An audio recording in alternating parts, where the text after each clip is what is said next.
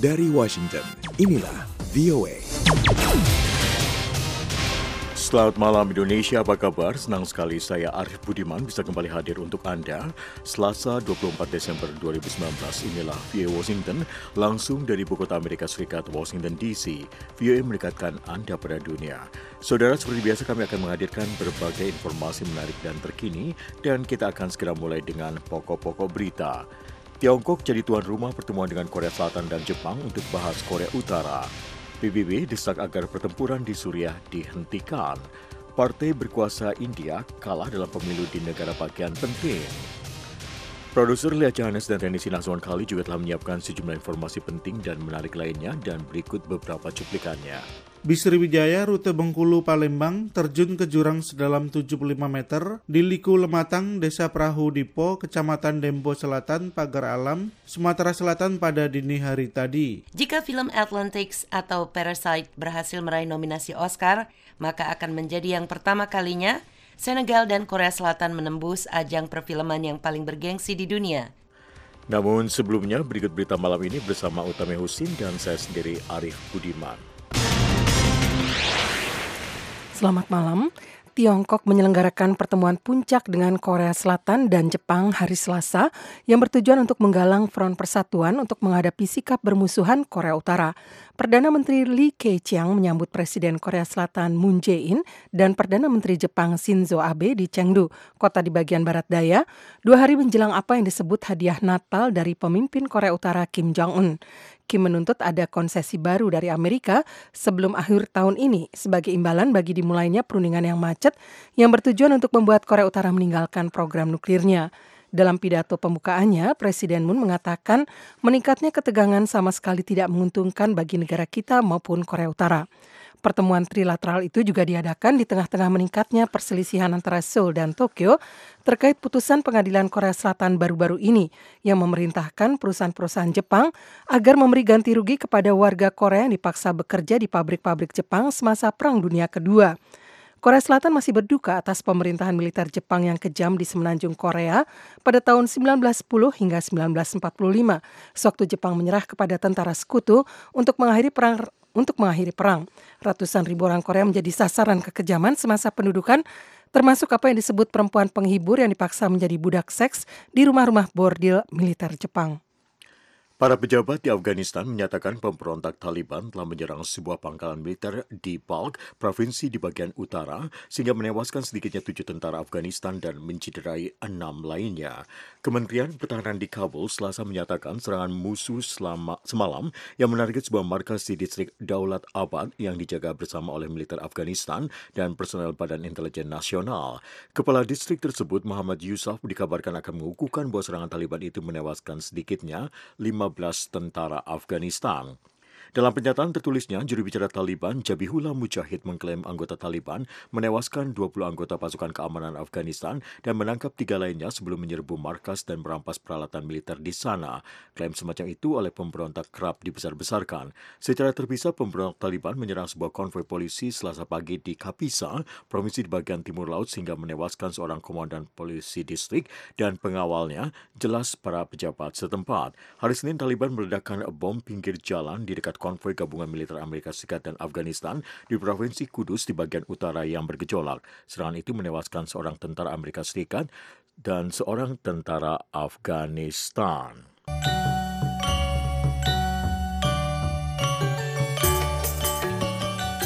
Anda sedang menyimak siaran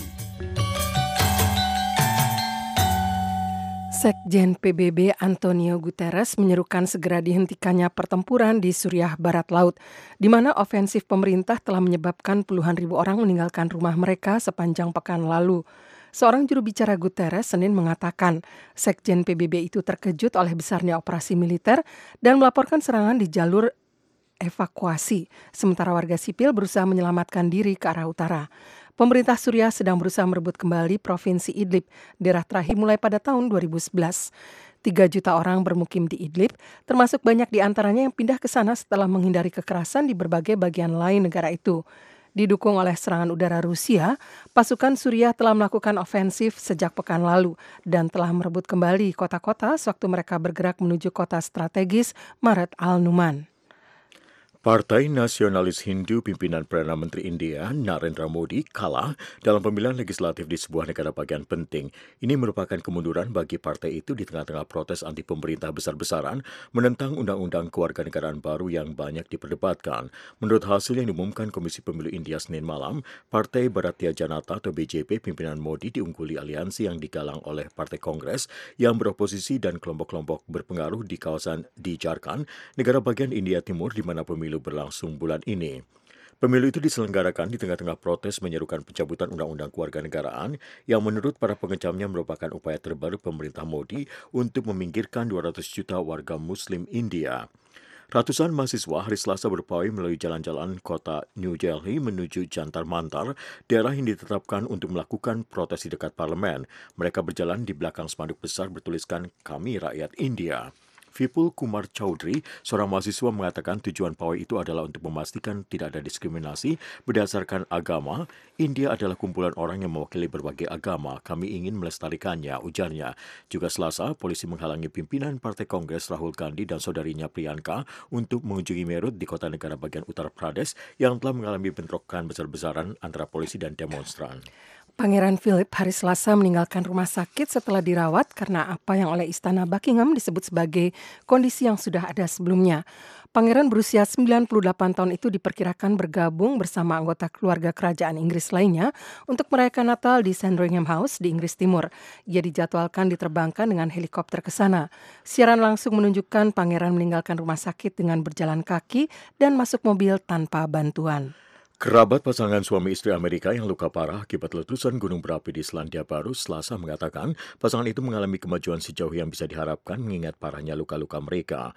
Pasangan tersebut Lauren Urey, 32 tahun, dan Matt Urey, 36 tahun dari Richmond, Virginia, masih dirawat di rumah sakit di Selandia Baru. Mereka sedang berbulan madu di Pulau Putih dua pekan silam, sewaktu gunung itu meletus menewaskan 19 orang dan menyebabkan 20 lainnya mengalami luka bakar parah akibat uap yang sangat panas.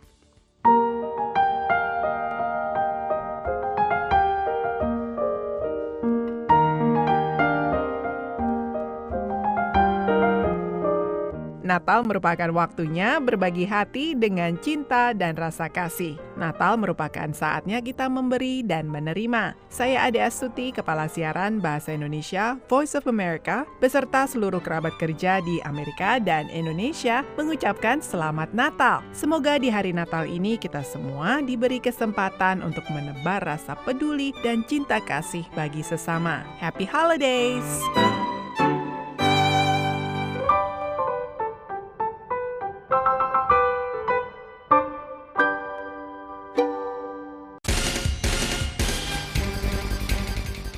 Keputusan Arab Saudi menghukum mati lima orang dan memenjarakan tiga orang lainnya terkait pembunuhan jurnalis Saudi Jamal Khashoggi di Istanbul, Turki pada Oktober 2018 mengundang banyak kecaman. Reporter VOA Ardita Dunelari melaporkan pengadilan terhadap para terdakwa yang dilakukan sepenuhnya secara tertutup dan pembebasan sejumlah terdakwa lainnya yang berkedudukan tinggi tidak memuaskan seruan banyak pihak yang menuntut keadilan bagi jurnalis The Washington Post itu. Laporan selengkapnya disampaikan Lea Johannes. Wakil Jaksa Penuntut Umum Arab Saudi, Syalaan Al-Syalaan Senin mengumumkan berakhirnya pengadilan terhadap 11 tersangka terkait pembunuhan jurnalis Jamal Khashoggi. Ia mengatakan pembunuhan itu tidak direncanakan dan terjadi secara tiba-tiba. Pernyataan ini dikeluarkan menyusul sikap Saudi yang selama ini bersikeras menyatakan tidak ada konspirasi dalam pembunuhan jurnalis The Washington Post itu pada Oktober 2018 sewaktu ia mengunjungi konsulat Saudi di Istanbul kelompok-kelompok advokasi media internasional mengecam pengumuman itu. Mereka menuding bahwa pengadilan yang dilangsungkan adalah pengadilan sandiwara. Syarif Mansur dari Komisi Perlindungan Wartawan atau CPJ mengatakan, That does not satisfy at all ini sama sekali tidak memuaskan tuntutan kami akan keadilan bagi Khashoggi. Kami tidak hanya menuntut mereka yang bertanggung jawab atas pembunuhan itu, tapi mempersoalkannya hingga ke tingkat tertinggi pemerintahan Saudi. Sejumlah kecil diplomat, termasuk dari Turki dan anggota keluarga Khashoggi, diizinkan menghadiri kesembilan sidang pengadilan itu di Riyadh, sementara media-media independen dilarang menghadirinya. Para diplomat asing disumpah untuk merahasiakan apa yang mereka lihat dan dengar dalam pengadilan itu, sehingga membuat banyak pihak mempertanyakan transparansi dan akuntabilitas pengadilan itu. Khashoggi adalah pengecam keras keluarga kerajaan Saudi. Rincian pembunuhannya yang terekam kamera pengawas Dinas Intelijen Turki menimbulkan pertanyaan mengenai kemungkinan adanya kaitan antara para agen yang melakukan pembunuhan itu dan putra mahkota Saudi Mohammed bin Salman. Namun ia membantah terlibat dalam pembunuhan itu. Salah satu terdakwa dalam pembunuhan Khashoggi adalah mantan penasihat kerajaan Saudi, Saud Al-Kahtani. Ia diyakini sebagai dalam pembunuhan Khashoggi dan dibebaskan dari semua tuduhan. Syalaan Al-Syalaan mengatakan, Ya, penyelidikan dilangsungkan oleh penuntut umum. Dakwaan diajukan terhadap dirinya dan pengadilan memutuskan untuk membebaskannya karena kurangnya bukti untuk memutuskannya bersalah dalam kasus ini. Agnes Kalamart, pelapor khusus PBB untuk pembunuhan di luar proses hukum, menulis laporan mengenai kasus Khashoggi. Ia mengecam pengadilan itu sebagai sandiwara belaka dan antitesis keadilan. Dalam cuitannya di Twitter, Senin, pejabat PBB ini mengecam baik penindasan politik, korupsi, dan penyalahgunaan kekuasaan di Arab Saudi maupun kolaborasi internasional atas apa yang disebutnya imunitas terhadap pembunuhan jurnalis. Jasad Khashoggi hingga saat ini belum ditemukan. Amerika Serikat memberlakukan sanksi-sanksi terhadap 17 warga Saudi yang diduga terlibat dalam pembunuhan itu. Presiden Donald Trump mengecam pembunuhan itu, namun mendukung putra mahkota Saudi dan membela hubungannya dengan Arab Saudi. Lea Johannes, VOA, Washington.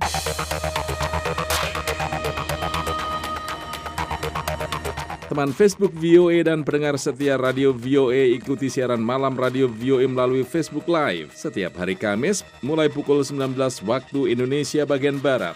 Anda dapat berinteraksi langsung dengan kami termasuk menyampaikan komentar dan saran. Ikuti acara ini di akun Facebook VOA Indonesia. Saya ulangi, VOA Indonesia. Jangan lupa, hari Kamis kami tunggu ya.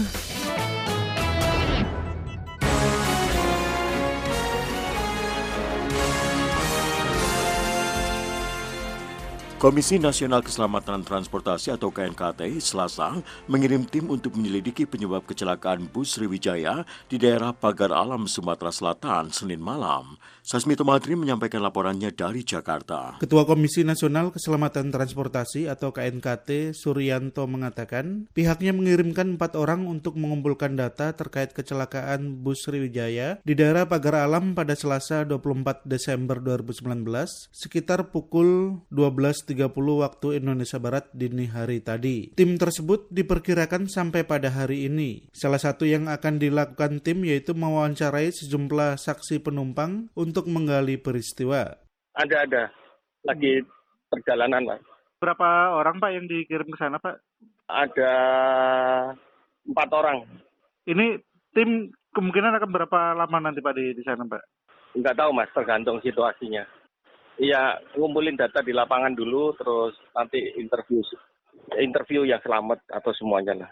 Suryanto memperkirakan investigasi penyebab kecelakaan bus Sriwijaya akan memakan waktu sekitar 3 hingga 4 bulan tergantung data yang didapat dari lapangan. Sementara itu, Humas Basarnas Palembang Rio Taufan mengatakan jumlah korban meninggal hingga pukul 13.30 waktu Indonesia Barat tadi bertambah menjadi 26 orang dan 13 orang penumpang lainnya mengalami luka-luka. Menurutnya, lebih dari 100 personel gabungan masih melakukan pencarian korban. Sebelumnya, Basarnas Palembang mengatakan selain penumpang, ada seorang warga setempat yang terluka saat ikut membantu evakuasi korban. Dengan demikian, total korban luka menjadi 14 orang. Saat ini kita fokuskan masih pencarian, tapi nanti kita koordinasikan kembali dengan instansi-instansi terkait, karena kan pencarian ini bukan hanya kita dari Basarnas, tapi kita juga dibantu oleh pihak TNI, dari kepolisian, dari masyarakat, dari pihak Pemda, itu sama Sriwijaya rute Bengkulu Palembang terjun ke jurang sedalam 75 meter di Liku Lematang, Desa Perahu Dipo, Kecamatan Dempo Selatan, Pagar Alam, Sumatera Selatan pada dini hari tadi. Dari 26 orang korban meninggal, beberapa di antaranya berhasil diidentifikasi, yaitu Ilyas, Marsono, Yuda Sanjaya, dan Imron yang merupakan supir bis. Dari Jakarta, Sasmita Madre melaporkan untuk VOA Washington.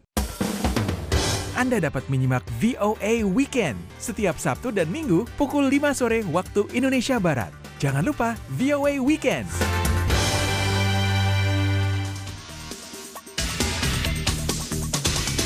Anda sedang mengikuti siaran VOA.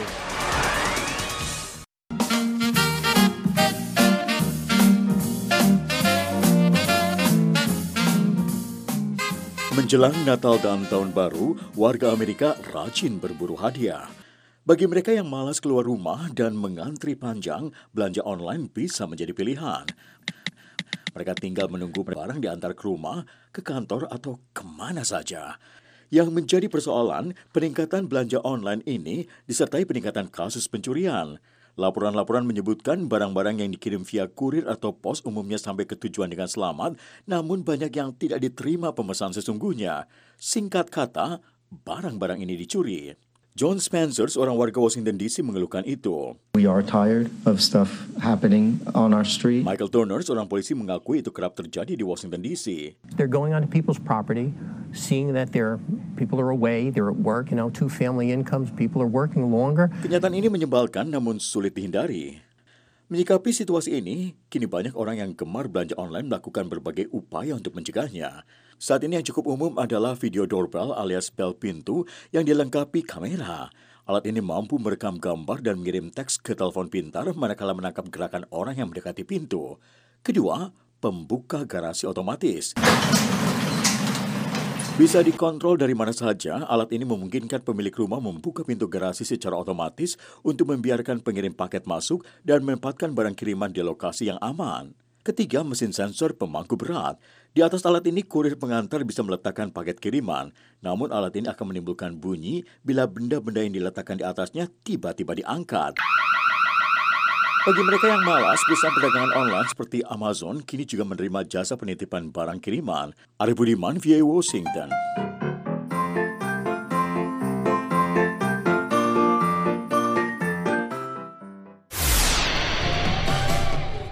...24 Desember 1979, Uni Soviet mulai menginvasi Afghanistan. Soviet mengerahkan sekitar 280 pesawat angkut militer dan tiga divisi yang masing-masing beranggota hampir 8.500 tentara. Dalam beberapa hari, Soviet menguasai Kabul dan mengerahkan unit penyerbu khusus ke istana Tatsberg.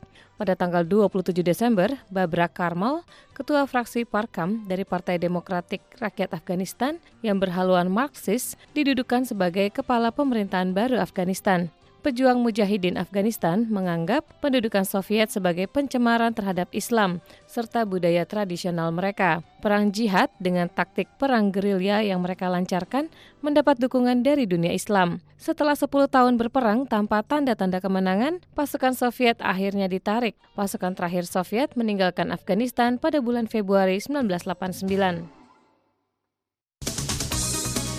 Kami lanjutkan siaran VOA dari Washington. Sebuah pesawat antariksa Eropa telah diluncurkan dari Amerika Selatan hari Rabu lalu untuk menjalankan misi selama tiga tahun guna mempelajari planet-planet yang terdapat dalam sistem tata surya yang lain. Laporan selengkapnya disampaikan Isa Ismail. Satelit yang diberi nama Characterizing Exoplanets atau CHEOPS diluncurkan dari pangkalan roket di Kourou, Guyana, Prancis dengan menggunakan roket Soyuz buatan Rusia.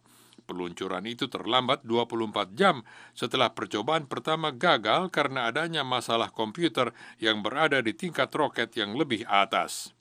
Badan Antariksa Eropa mengatakan ini adalah misi pertama untuk mempelajari bintang-bintang yang tampak terang dalam galaksi kita yang diketahui punya planet-planet yang mengorbitnya. Penyelidikan akan dipusatkan untuk mencari planet-planet seperti bumi, tapi dalam ukuran yang jauh lebih besar.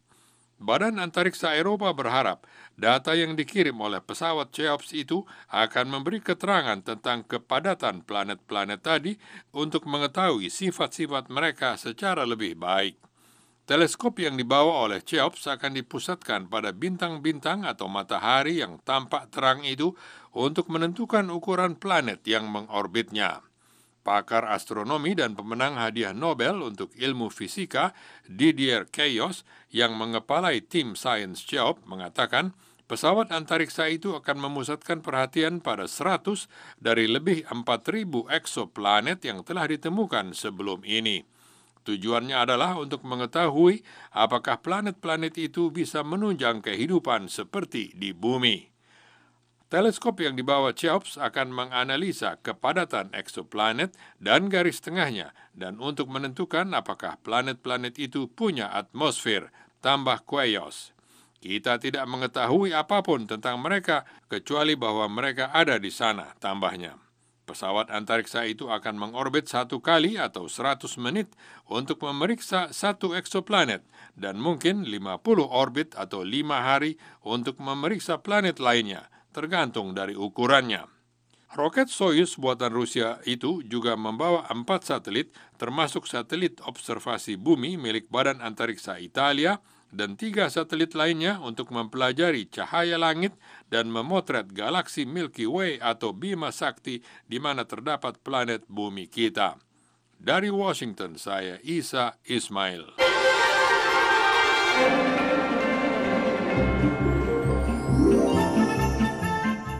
Natal merupakan waktunya berbagi hati dengan cinta dan rasa kasih. Natal merupakan saatnya kita memberi dan menerima. Saya Ade Astuti, Kepala Siaran Bahasa Indonesia Voice of America, beserta seluruh kerabat kerja di Amerika dan Indonesia, mengucapkan Selamat Natal. Semoga di hari Natal ini kita semua diberi kesempatan untuk menebar rasa peduli dan cinta kasih bagi sesama. Happy Holidays! Makanan khas Indonesia ibarat manifestasi perjalanan hidup Thomas Pisa Duffley dalam mencari identitas diri. Tom yang memang cinta memasak merintis bisnis kuliner dengan memakai resep omanya sebagai inspirasi dan mendirikan gado-gado restoran di kota Portland, Oregon. Reporter VOA Aryatna Budianto melaporkan dari Portland dalam Amerika kini. Kecintaan pada dunia kuliner telah mengantar Thomas Pisha Duffley untuk mengenal lebih dalam warisan budaya keluarganya. Tom yang mulai memasak sejak 10 tahun lalu, lantas merintis bisnis kuliner memakai resep omanya sebagai inspirasi. You know, I grew up eating the food. Um, of my sort of my grandmother and my mother. Uh, my grandmother's from Surabaya. Saya dibesarkan menikmati masakan oma dan mama saya. Oma saya berasal dari Surabaya. Ibu saya dilahirkan di Surabaya. Saya sudah lama memasak sebelum mencari warisan budaya sebagai inspirasi. Tetapi setelah mengunjungi Indonesia untuk pertama kalinya, saya dibesarkan ke Amerika dan mulai menjalani proses memasak resep-resep oma saya. Bersama istrinya, Tom membuka food court gado-gado di kota Portland, Oregon, yang kini dikembangkan menjadi sebuah restoran. Seperti namanya, menu andalan di restoran ini adalah gado-gado, makanan yang selalu disajikan di rumah waktu Tom masih kecil. Uh. Semua masakan yang saya masak adalah hasil campuran budaya.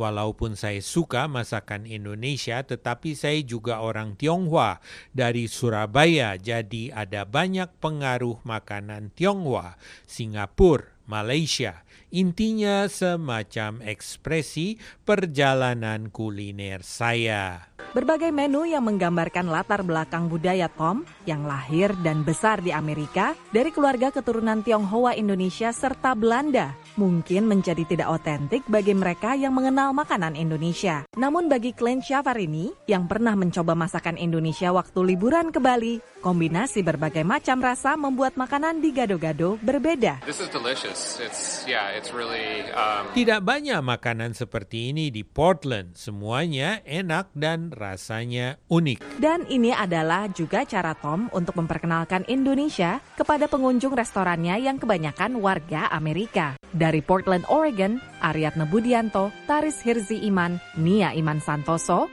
VOA. Inilah VOA.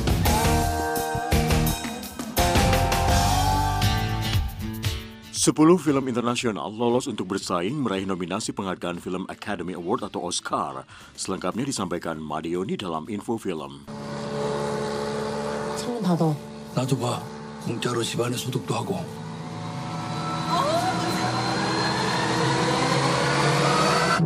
Daftar film internasional yang lolos seleksi diumumkan Senin lalu, 16 Desember, oleh Academy of Motion Picture Arts and Sciences. Yang tercantum dalam daftar tersebut termasuk Parasite karya Bong Joon-ho Semi, film otografi karya Pedro Almodovar Pain and Glory, dan Atlantics garapan Matri Diop dari Senegal. Jo, wata mo di ma lay wax ni doo ko wax kenn. ay bu nekkee waxu jinne mais mun a nga may woowee non dara lan la Waatal. Man waxuma sa waati de nga waat. Jika film Atlantics atau Parasite berhasil meraih nominasi Oscar, maka akan menjadi yang pertama kalinya Senegal dan Korea Selatan menembus ajang perfilman yang paling bergengsi di dunia, Diop International di Festival Film Cannes. Penghargaan tersebut dimenangkan oleh film Parasite, sementara Atlantics meraih penghargaan Grand Prix. 부모님 얼굴도 뵙고 좋더라 건강들 하시고 일거리가 없으셔도 네가 내 대신 얘 과외 선생님 좀 해줘 Tahun ini merupakan Oscar pertama untuk kategori baru persaingan film internasional yang sekarang diberi nama Film Fitur Internasional Terbaik. Kategori ini sebelumnya disebut film berbahasa asing terbaik.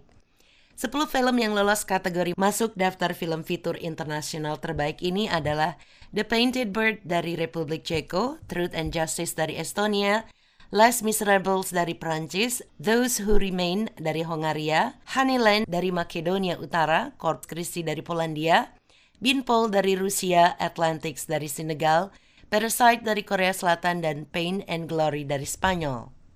Kesepuluh film ini lolos seleksi dari 91 film yang memenuhi syarat. Academy of Motion Picture Arts and Sciences Senin lalu mengumumkan 9 daftar termasuk kategori dokumenter terbaik, efek visual terbaik, dan lagu asli terbaik. Nominasi bagi penghargaan tahunan ke-92 akan diumumkan pada 13 Januari 2020. Malam penghargaan 2020 di Los Angeles. Sampai di sini info film, sampai jumpa dalam ulasan film lainnya. Saya Madioni di Washington. Oh, no sé. Eso, eso no se sabe. A tu vera, siempre a la verita tuya, siempre a la verita tuya, hasta que de pena muera.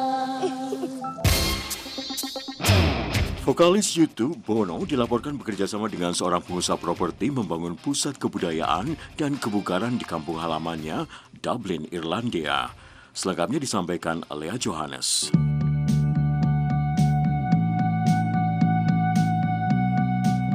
Menurut dokumen yang diperoleh surat kabar Inggris Sunday Times, musisi dan pengusaha Paddy McKillen berencana mengubah bekas kafe Tremyard di kawasan pinggiran Dalkey di Dublin menjadi pusat tetirah, kesehatan, dan budaya. Kafe yang sudah tidak beroperasi itu sebetulnya juga milik pengusaha lain bernama Paul Hewson yang belakangan setuju untuk memanfaatkan lokasi itu sebagai tempat berkumpulnya komunitas setempat. Pusat kebudayaan dan kebugaran itu akan dilengkapi restoran, salon, dan gym. Tempat itu bisa juga dimanfaatkan untuk seminar, pameran, festival, dan pemutaran film. Bono mengatakan tempat itu akan dikelola secara profesional dan akan menguntungkan warga setempat. Yang tak kalah menarik, lokasi itu akan dilengkapi taman yang ditata apik lengkap dengan kafe dan bar. Cafe Tremyard bukan sekedar kafe. Tempat itu berukuran luas dan terdiri dari kafe, bar, dan restoran yang menyatu. Cafe Tremyard terpaksa ditutup pada tahun 2016 terkait peraturan pengamanan kebakaran. Sekian info musik, Lea Johannes, VOA Washington.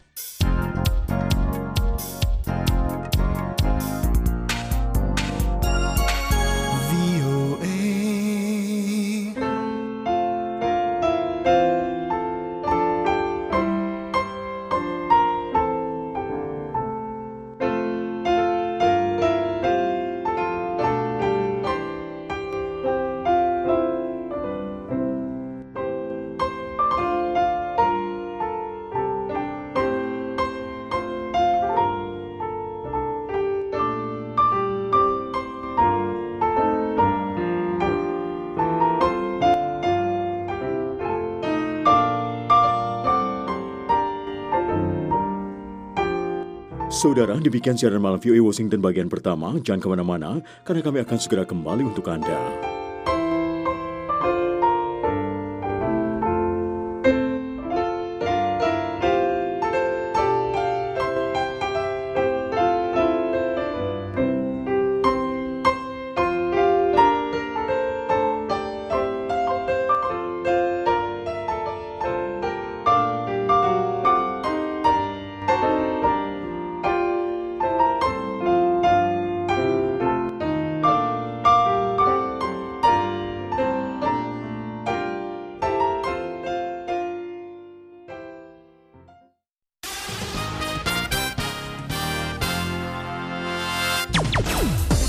Dari Washington, inilah VOA.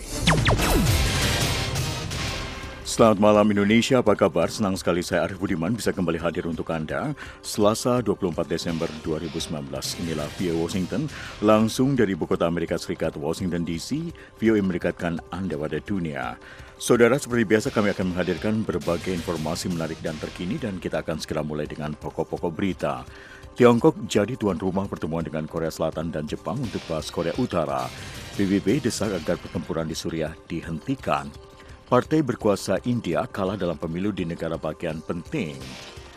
Produser Lia Johannes dan teknisi Naswan Kali juga telah menyiapkan sejumlah informasi penting dan menarik lainnya dan berikut beberapa cuplikannya. Kecintaan pada dunia kuliner telah mengantar Thomas Pisha Duffley untuk mengenal lebih dalam warisan budaya keluarganya. Tom yang mulai memasak sejak 10 tahun lalu, lantas merintis bisnis kuliner memakai resep omanya sebagai inspirasi.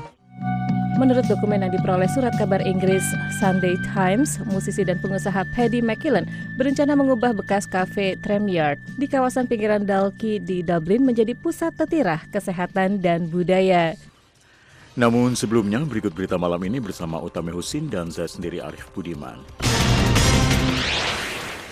Selamat malam. Tiongkok menyelenggarakan pertemuan puncak dengan Korea Selatan dan Jepang hari Selasa yang bertujuan untuk menggalang front persatuan untuk menghadapi sikap bermusuhan Korea Utara. Perdana Menteri Lee Keqiang menyambut Presiden Korea Selatan Moon Jae-in dan Perdana Menteri Jepang Shinzo Abe di Chengdu, kota di bagian barat daya, dua hari menjelang apa yang disebut hadiah Natal dari pemimpin Korea Utara Kim Jong-un. Kim menuntut ada konsesi baru dari Amerika sebelum akhir tahun ini sebagai imbalan bagi dimulainya perundingan yang macet yang bertujuan untuk membuat Korea Utara meninggalkan program nuklirnya. Dalam pidato pembukaannya, Presiden Moon mengatakan meningkatnya ketegangan sama sekali tidak menguntungkan bagi negara kita maupun Korea Utara. Pertemuan trilateral itu juga diadakan di tengah-tengah meningkatnya perselisihan antara Seoul dan Tokyo terkait putusan pengadilan Korea Selatan baru-baru ini yang memerintahkan perusahaan-perusahaan Jepang agar memberi ganti rugi kepada warga Korea dipaksa bekerja di pabrik-pabrik Jepang semasa Perang Dunia Kedua. Korea Selatan masih berduka atas pemerintahan militer Jepang yang kejam di semenanjung Korea pada tahun 1910 hingga 1945, sewaktu Jepang menyerah kepada tentara sekutu untuk mengakhiri perang. Rusia telah membebaskan lima kapal nelayan Jepang dan 24 awak kapal tersebut setelah menahan mereka selama sepekan karena dituduh melanggar perjanjian penangkapan ikan di dekat satu gugusan pulau yang disengketakan. Kelima kapal dan awak mereka dituduh melampaui kota penangkapan Gurita sewaktu ditahan pada 17 Desember. Kapal-kapal tersebut dibebaskan setelah pengadilan Rusia memerintahkan para awak membayar denda 100 ribu dolar. Kapal-kapal itu ditahan di dekat gugusan Pulau Hokkaido, wilayah di bagian utara Jepang. Dikenal sebagai Kepulauan Kuril Selatan oleh Rusia, pulau-pulau itu direbut oleh pasukan bekas Uni Soviet dalam hari-hari terakhir Perang Dunia II. Jepang terus mengklaim gugusan pulau itu yang disebutnya sebagai teritori utara. Sengketa kepulauan itu itu yang masih terus berlanjut telah menghalangi Moskow dan Tokyo dalam mencapai perjanjian perdamaian resmi yang mengakhiri Perang Dunia Kedua. Inilah VOA.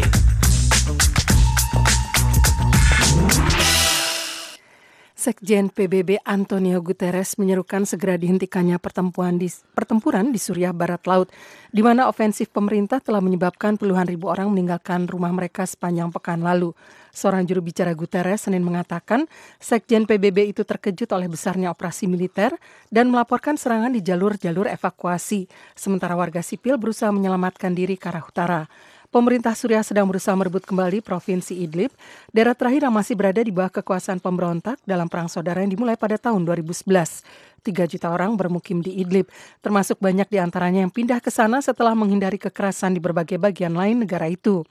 Didukung oleh serangan udara Rusia, pasukan Suriah telah melakukan ofensif sejak pekan lalu dan telah merebut kembali kota-kota sewaktu mereka bergerak menuju kota strategis Maret al-Numan.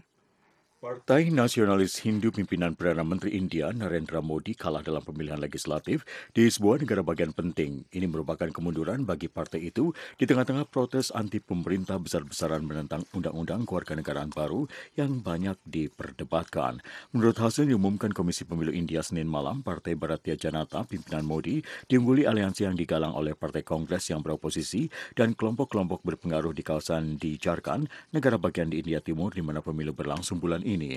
Pemilu itu diselenggarakan di tengah-tengah protes menyerukan pencabutan Undang-Undang Kewarganegaraan yang menurut para pengecamnya merupakan upaya terbaru pemerintah Modi untuk meminggirkan 200 juta warga Muslim India.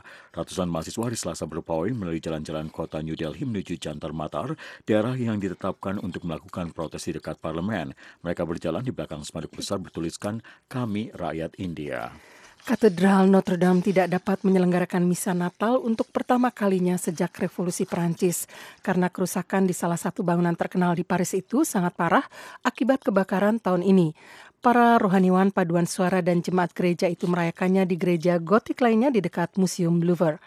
Kebakaran pada April lalu melalap atap bangunan dari abad pertengahan itu dan meruntuhkan bagian puncaknya. Rekonstruksi diperkirakan berlangsung selama beberapa tahun. Menurut para pejabat, bangunan itu terlalu rapuh untuk dimasuki pengunjung dan masih ada risiko keracunan akibat bertonton debu timbel akibat kebakaran itu. Misa malam Natal dan Natal akan diselenggarakan di Gereja Saint-Germain-l'Auxerrois yang pernah digunakan keluarga kerajaan Prancis. Para pejabat di Afghanistan menyatakan pemberontak Taliban telah menyerang sebuah pangkalan militer di Balkh, provinsi di bagian utara, sehingga menewaskan sedikitnya tujuh tentara Afghanistan dan mencederai enam lainnya. Kementerian Pertahanan di Kabul selasa menyatakan serangan musuh semalam yang menarget sebuah markas di distrik Daulat Abad yang dijaga bersama oleh militer Afghanistan dan personel Badan Intelijen Nasional. Kepala distrik tersebut, Muhammad Yusuf, dikabarkan akan mengukuhkan serangan Taliban itu menewaskan sedikitnya 15 tentara Afghanistan. Dalam pernyataan tertulisnya, juri bicara Taliban Zabihullah Mujahid mengklaim anggota Taliban menewaskan 20 anggota pasukan keamanan Afghanistan dan menangkap tiga lainnya sebelum menyerbu markas dan merampas peralatan militer di sana. Klaim semacam itu itu oleh pemberontak kerap dibesar-besarkan. Kerabat pasangan suami istri Amerika yang luka parah akibat letusan gunung berapi di Selandia Baru, Selasa mengatakan pasangan itu mengalami kemajuan sedang bisa diharapkan mengingat parahnya luka-luka mereka. Pasangan tersebut, Lauren Yure 32 tahun dan Matt Yure 36 tahun dari Richmond, Virginia, masih dirawat di rumah sakit di Selandia Baru. Mereka sedang berbulan madu di Pulau Putih dua pekan silam sewaktu gunung itu meletus menewaskan 19 orang dan menyebabkan lebih dari 20 lainnya mengalami luka bakar parah akibat uap sangat panas. Demikian Warta Dunia, VOA Washington. Inilah VOA.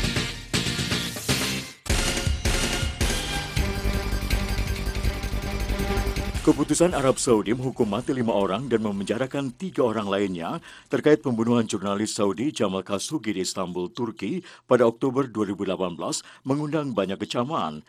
Reporter VOA Ardita Dunelari melaporkan pengadilan terhadap para pembebasan sejumlah terdakwa lainnya yang berkedudukan tinggi tidak memuaskan seruan banyak pihak yang menuntut keadilan bagi jurnalis The Washington Post itu.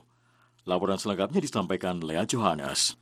Wakil Jaksa Penuntut Umum Arab Saudi, Syalaan Al-Syalaan Senin mengumumkan berakhirnya pengadilan terhadap 11 tersangka terkait pembunuhan jurnalis Jamal Khashoggi.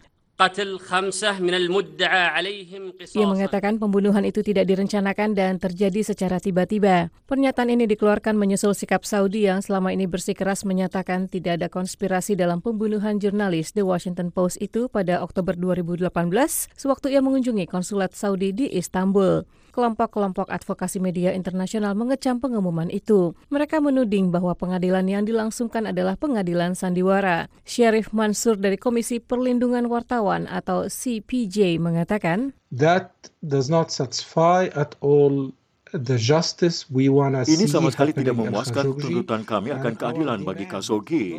Kami tidak hanya menuntut mereka yang bertanggung jawab atas pembunuhan itu, tapi mempersoalkannya hingga ke tingkat tertinggi pemerintahan Saudi. Sejumlah kecil diplomat, termasuk dari Turki dan anggota keluarga Khashoggi, diizinkan menghadiri kesembilan sidang pengadilan itu di Riyadh, sementara media-media independen dilarang menghadirinya. Para diplomat asing disumpah untuk merahasiakan apa yang mereka lihat dan dengar dalam pengadilan itu, sehingga membuat banyak pihak mempertanyakan mengatakan transparansi dan akuntabilitas pengadilan itu. Khashoggi adalah pengecam keras keluarga kerajaan Saudi. Rincian pembunuhannya yang terekam kamera pengawas Dinas Intelijen Turki menimbulkan pertanyaan mengenai kemungkinan adanya kaitan antara para agen yang melakukan pembunuhan itu dan putra mahkota Saudi Mohammed bin Salman. Namun ia membantah terlibat dalam pembunuhan itu.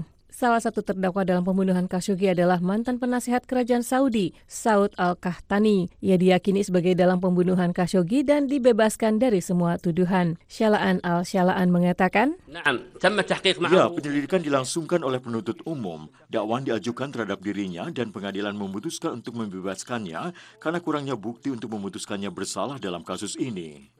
Agnes Kalamart, pelapor khusus PBB untuk pembunuhan di luar proses hukum, menulis laporan mengenai kasus Khashoggi. Ia mengecam pengadilan itu sebagai sandiwara belaka dan antitesis keadilan. Dalam cuitannya di Twitter, Senin, pejabat PBB ini mengecam baik penindasan politik, korupsi, dan penyalahgunaan kekuasaan di Arab Saudi maupun kolaborasi internasional atas apa yang disebutnya imunitas terhadap pembunuhan jurnalis. Jasad Khashoggi hingga saat ini belum ditemukan. Amerika Serikat memberlakukan sanksi-sanksi terhadap 17 warga Saudi yang diduga terlibat dalam pembunuhan itu. Presiden Donald Trump mengecam pembunuhan itu, namun mendukung putra mahkota Saudi dan membela hubungannya dengan Arab Saudi. Lea Johannes, VOA, Washington.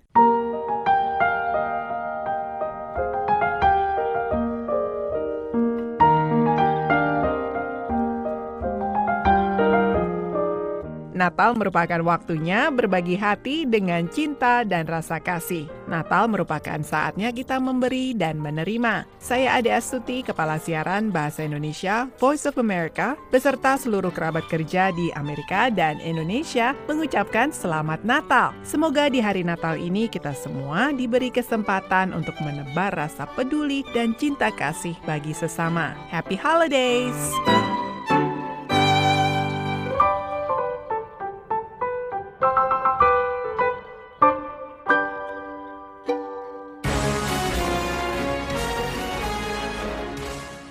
Badan Nasional Penanggulangan Bencana atau BNPB mencatat sebanyak 477 orang meninggal akibat bencana sepanjang 2019 di wilayah Indonesia. Sasmito Madri menyampaikan laporannya dari Jakarta.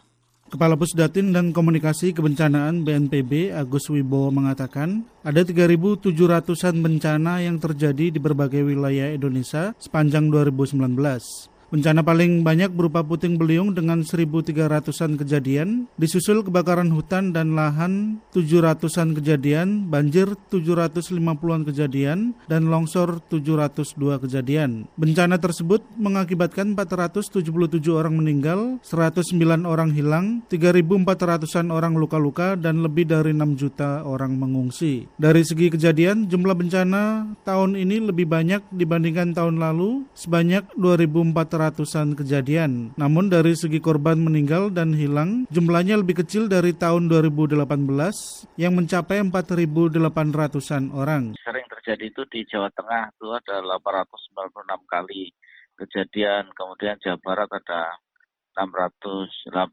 kejadian, dan kemudian Jawa Timur ada 598 kejadian. Ini sampai tanggal 23 Desember dari 1 hmm. Januari. Agus menambahkan bencana mengakibatkan 72 ribuan rumah mengalami kerusakan ringan hingga berat. Jumlah kerusakan rumah ini juga lebih sedikit jika dibandingkan kerusakan akibat bencana pada 2018 yang mencapai 320 ribuan rumah rusak. Sejumlah fasilitas umum juga mengalami kerusakan di antaranya 1.100-an fasilitas pendidikan, 680-an fasilitas ibadah, dan 200-an fasilitas kesehatan. Bencana juga mengakibatkan 270 unit kantor dan 430-an jembatan mengalami kerusakan. Kendati demikian, BNPB belum menghitung berapa nilai total kerugian akibat bencana tersebut. Agus menjelaskan penyebab banjir di berbagai wilayah Indonesia diakibatkan karena kerusakan lingkungan, sehingga ketika terjadi hujan, air tidak bisa ditampung dalam tanah dan langsung masuk ke sungai. Di samping itu, Agus memperkirakan banjir juga diakibatkan karena manajemen air yang kurang bagus di berbagai daerah. Agus mengimbau masyarakat agar mewaspadai gempa dan bencana susulannya yang diperkirakan terjadi pada 2020 mendatang, meskipun pada tahun ini sedikit korbannya jika dibandingkan dengan banjir,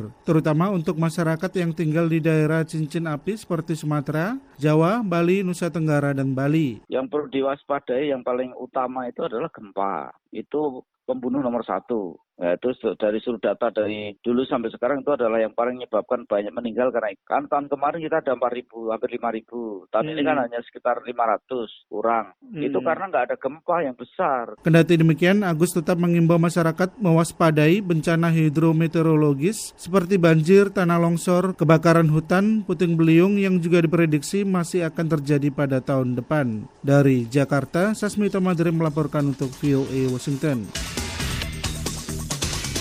Anda sedang mengikuti siaran VOA.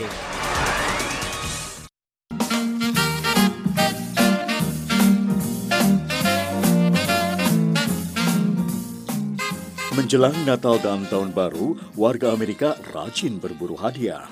Bagi mereka yang malas keluar rumah dan mengantri panjang, belanja online bisa menjadi pilihan.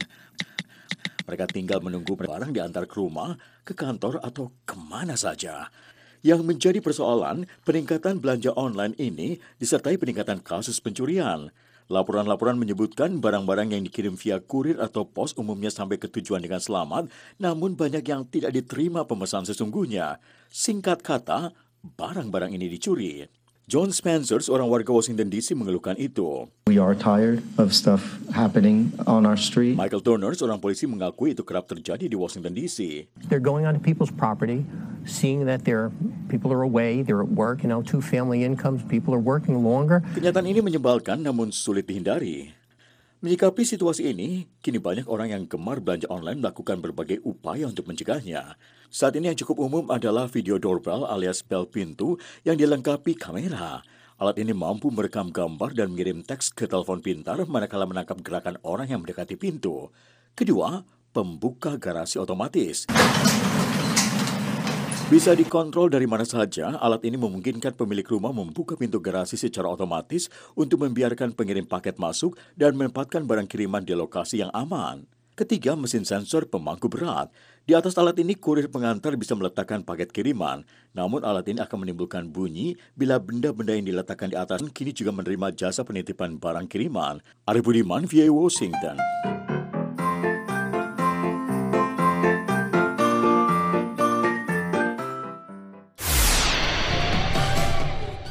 24 Desember 1979, Uni Soviet mulai menginvasi Afghanistan. Soviet mengerahkan sekitar 180 pesawat angkut militer dan tiga divisi yang masing-masing beranggota hampir 8.500 tentara. Dalam beberapa hari, Soviet menguasai Kabul dan mengerahkan unit penyerbu khusus ke istana Tatsberg. Pada tanggal 27 Desember, Babrak Karmal, ketua fraksi Parkam dari Partai Demokratik Rakyat Afghanistan yang berhaluan Marxis, didudukan sebagai kepala pemerintahan baru Afghanistan pejuang mujahidin Afghanistan, Islam, serta budaya tradisional mereka. Perang jihad dengan taktik perang gerilya yang mereka lancarkan mendapat dukungan dari dunia Islam. Setelah 10 tahun berperang tanpa tanda-tanda kemenangan, pasukan Soviet akhirnya ditarik. Pasukan terakhir Soviet sebuah pesawat antariksa Eropa telah diluncurkan dari Amerika Selatan hari Rabu lalu untuk menjalankan misi selama tiga tahun guna mempelajari planet-planet yang terdapat dalam sistem tata surya yang lain.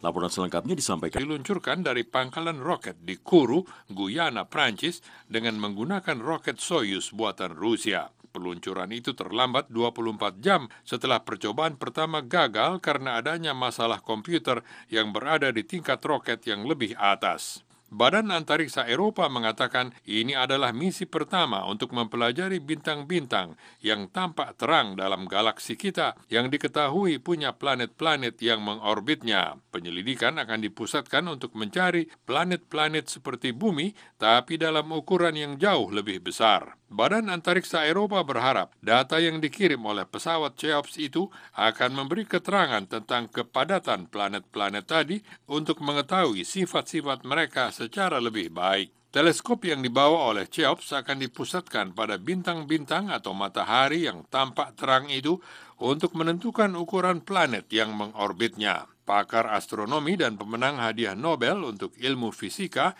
Didier Keyos yang mengepalai tim Science Job mengatakan pesawat antariksa itu akan memusatkan perhatian pada 100 dari lebih 4.000 eksoplanet yang telah ditemukan sebelum ini. Tujuannya adalah untuk mengetahui apakah planet-planet itu bisa menunjang kehidupan seperti di bumi. Teleskop yang dibawa Cheops akan menganalisa kepadatan eksoplanet dan garis tengahnya dan untuk menentukan apakah planet-planet itu punya atmosfer. Tambah Quayos, kita tidak mengetahui apa pun tentang mereka kecuali bahwa mereka ada di sana, tambahnya. Pesawat antariksa itu akan mengorbit satu kali atau 100 menit untuk memeriksa satu eksoplanet dan mungkin 50 orbit atau 5 hari untuk memeriksa planet lainnya tergantung dari ukurannya. Roket Soyuz buatan Rusia itu juga membawa empat satelit termasuk satelit observasi bumi milik Badan Antariksa Italia dan tiga satelit lainnya untuk mempelajari cahaya langit dan memotret galaksi Milky Way atau Bima Sakti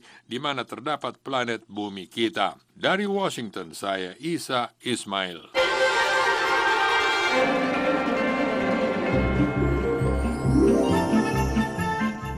Natal merupakan waktunya berbagi hati dengan cinta dan rasa kasih. Natal merupakan saatnya kita memberi dan menerima. Saya Ade Astuti, Kepala Siaran Bahasa Indonesia Voice of America, beserta seluruh kerabat kerja di Amerika dan Indonesia, mengucapkan Selamat Natal. Semoga di hari Natal ini kita semua diberi kesempatan untuk menebar rasa peduli dan cinta kasih bagi sesama. Happy Holidays! Makanan khas Indonesia ibarat manifestasi perjalanan hidup Thomas Pisa Dovely dalam mencari identitas diri. Tom yang memang cinta memasak merintis bisnis kuliner dengan memakai resep omanya sebagai inspirasi dan mendirikan gado-gado restoran di kota Portland, Oregon.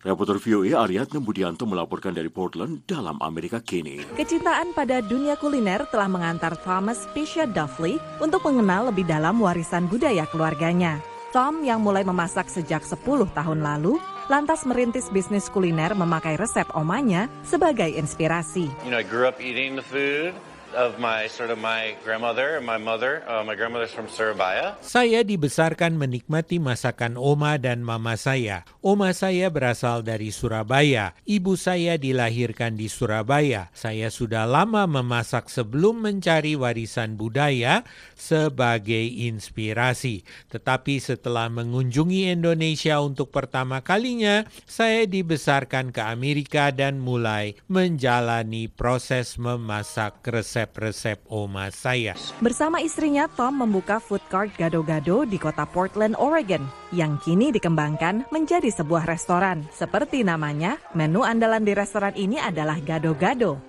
makanan yang selalu disajikan di rumah waktu Tom masih kecil. The concept gado-gado, the name, uh, the name's obviously Indonesian. Semua masakan yang saya masak adalah hasil campuran budaya. Walaupun saya suka masakan Indonesia, tetapi saya juga orang Tionghoa dari Surabaya, jadi ada banyak pengaruh makanan Tionghoa, Singapura, Malaysia. Intinya semacam ekspresi perjalanan kuliner saya. Berbagai menu yang menggambarkan latar belakang budaya Tom yang lahir dan besar di Amerika dari keluarga keturunan Tionghoa Indonesia serta Belanda mungkin menjadi tidak otentik bagi mereka yang mengenal makanan Indonesia. Namun bagi Clint Syavarini yang pernah mencoba masakan Indonesia waktu liburan ke Bali, kombinasi berbagai macam rasa membuat makanan di gado-gado berbeda. This is delicious. It's yeah, it's really um... Tidak banyak makanan seperti ini di Portland. Semuanya enak dan rasanya unik. Dan ini adalah juga cara Tom untuk memperkenalkan Indonesia kepada pengunjung restorannya yang kebanyakan warga Amerika. Dari Portland, Oregon, Ariadna Budianto, Taris Hirzi Iman, Nia Iman Santoso, VOA. Inilah VOA.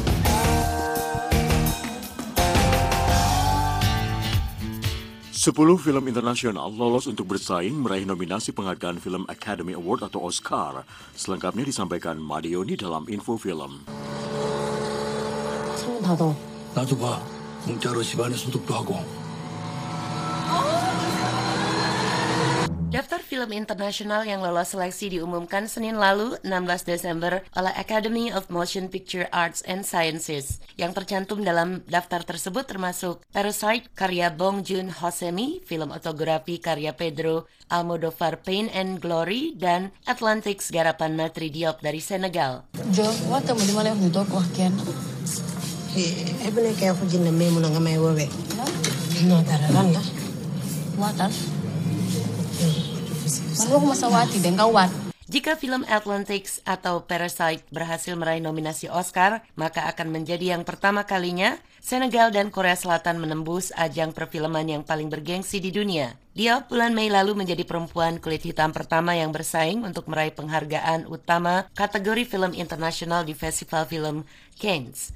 Penghargaan tersebut dimenangkan oleh film Parasite, sementara Atlantics meraih penghargaan Grand Prix. 부모님 얼굴도 뵙고 좋더라 건강들 하시고 일거리가 없으셔도 네가 내 대신 얘 과외 선생님 좀 해줘라 영어 대학생이 축하라는 거야? Tahun ini merupakan Oscar pertama untuk kategori baru persaingan film internasional yang sekarang diberi nama Film Fitur Internasional Terbaik.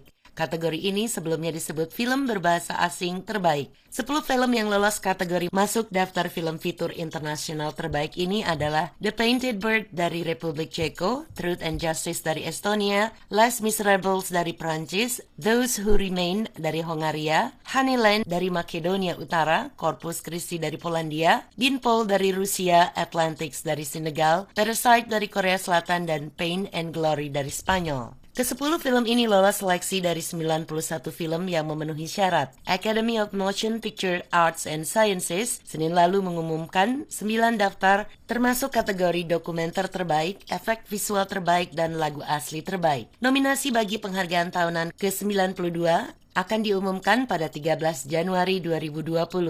Malam penganugerahan Oscar akan diselenggarakan pada 9 Februari 2020 di Los Angeles. Sampai di sini info film, sampai jumpa dalam ulasan film lainnya. Saya Madioni di Washington. Vokalis YouTube Bono dilaporkan bekerja sama dengan seorang pengusaha properti membangun pusat kebudayaan dan kebugaran di kampung halamannya, Dublin, Irlandia. Selengkapnya disampaikan Lea Johannes.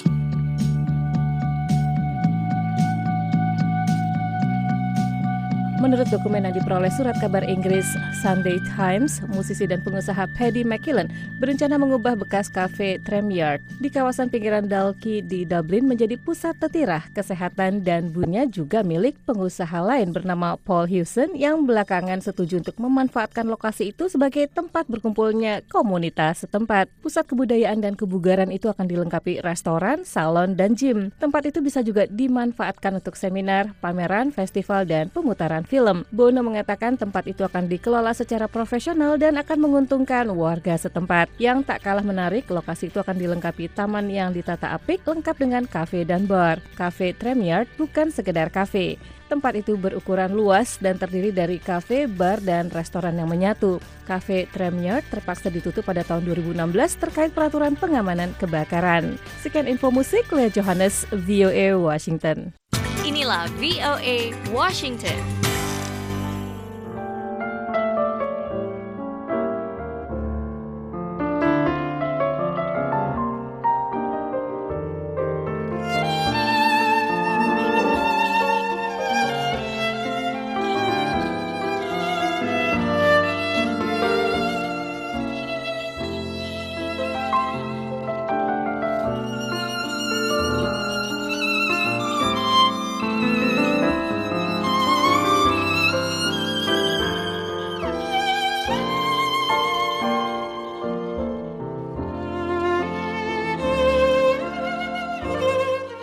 Saudara, demikian siaran malam VOA. Saya Arif Budiman bersama kerabat kerja lain mengucapkan terima kasih atas kebersamaan Anda. Selamat malam dan salam dari Washington.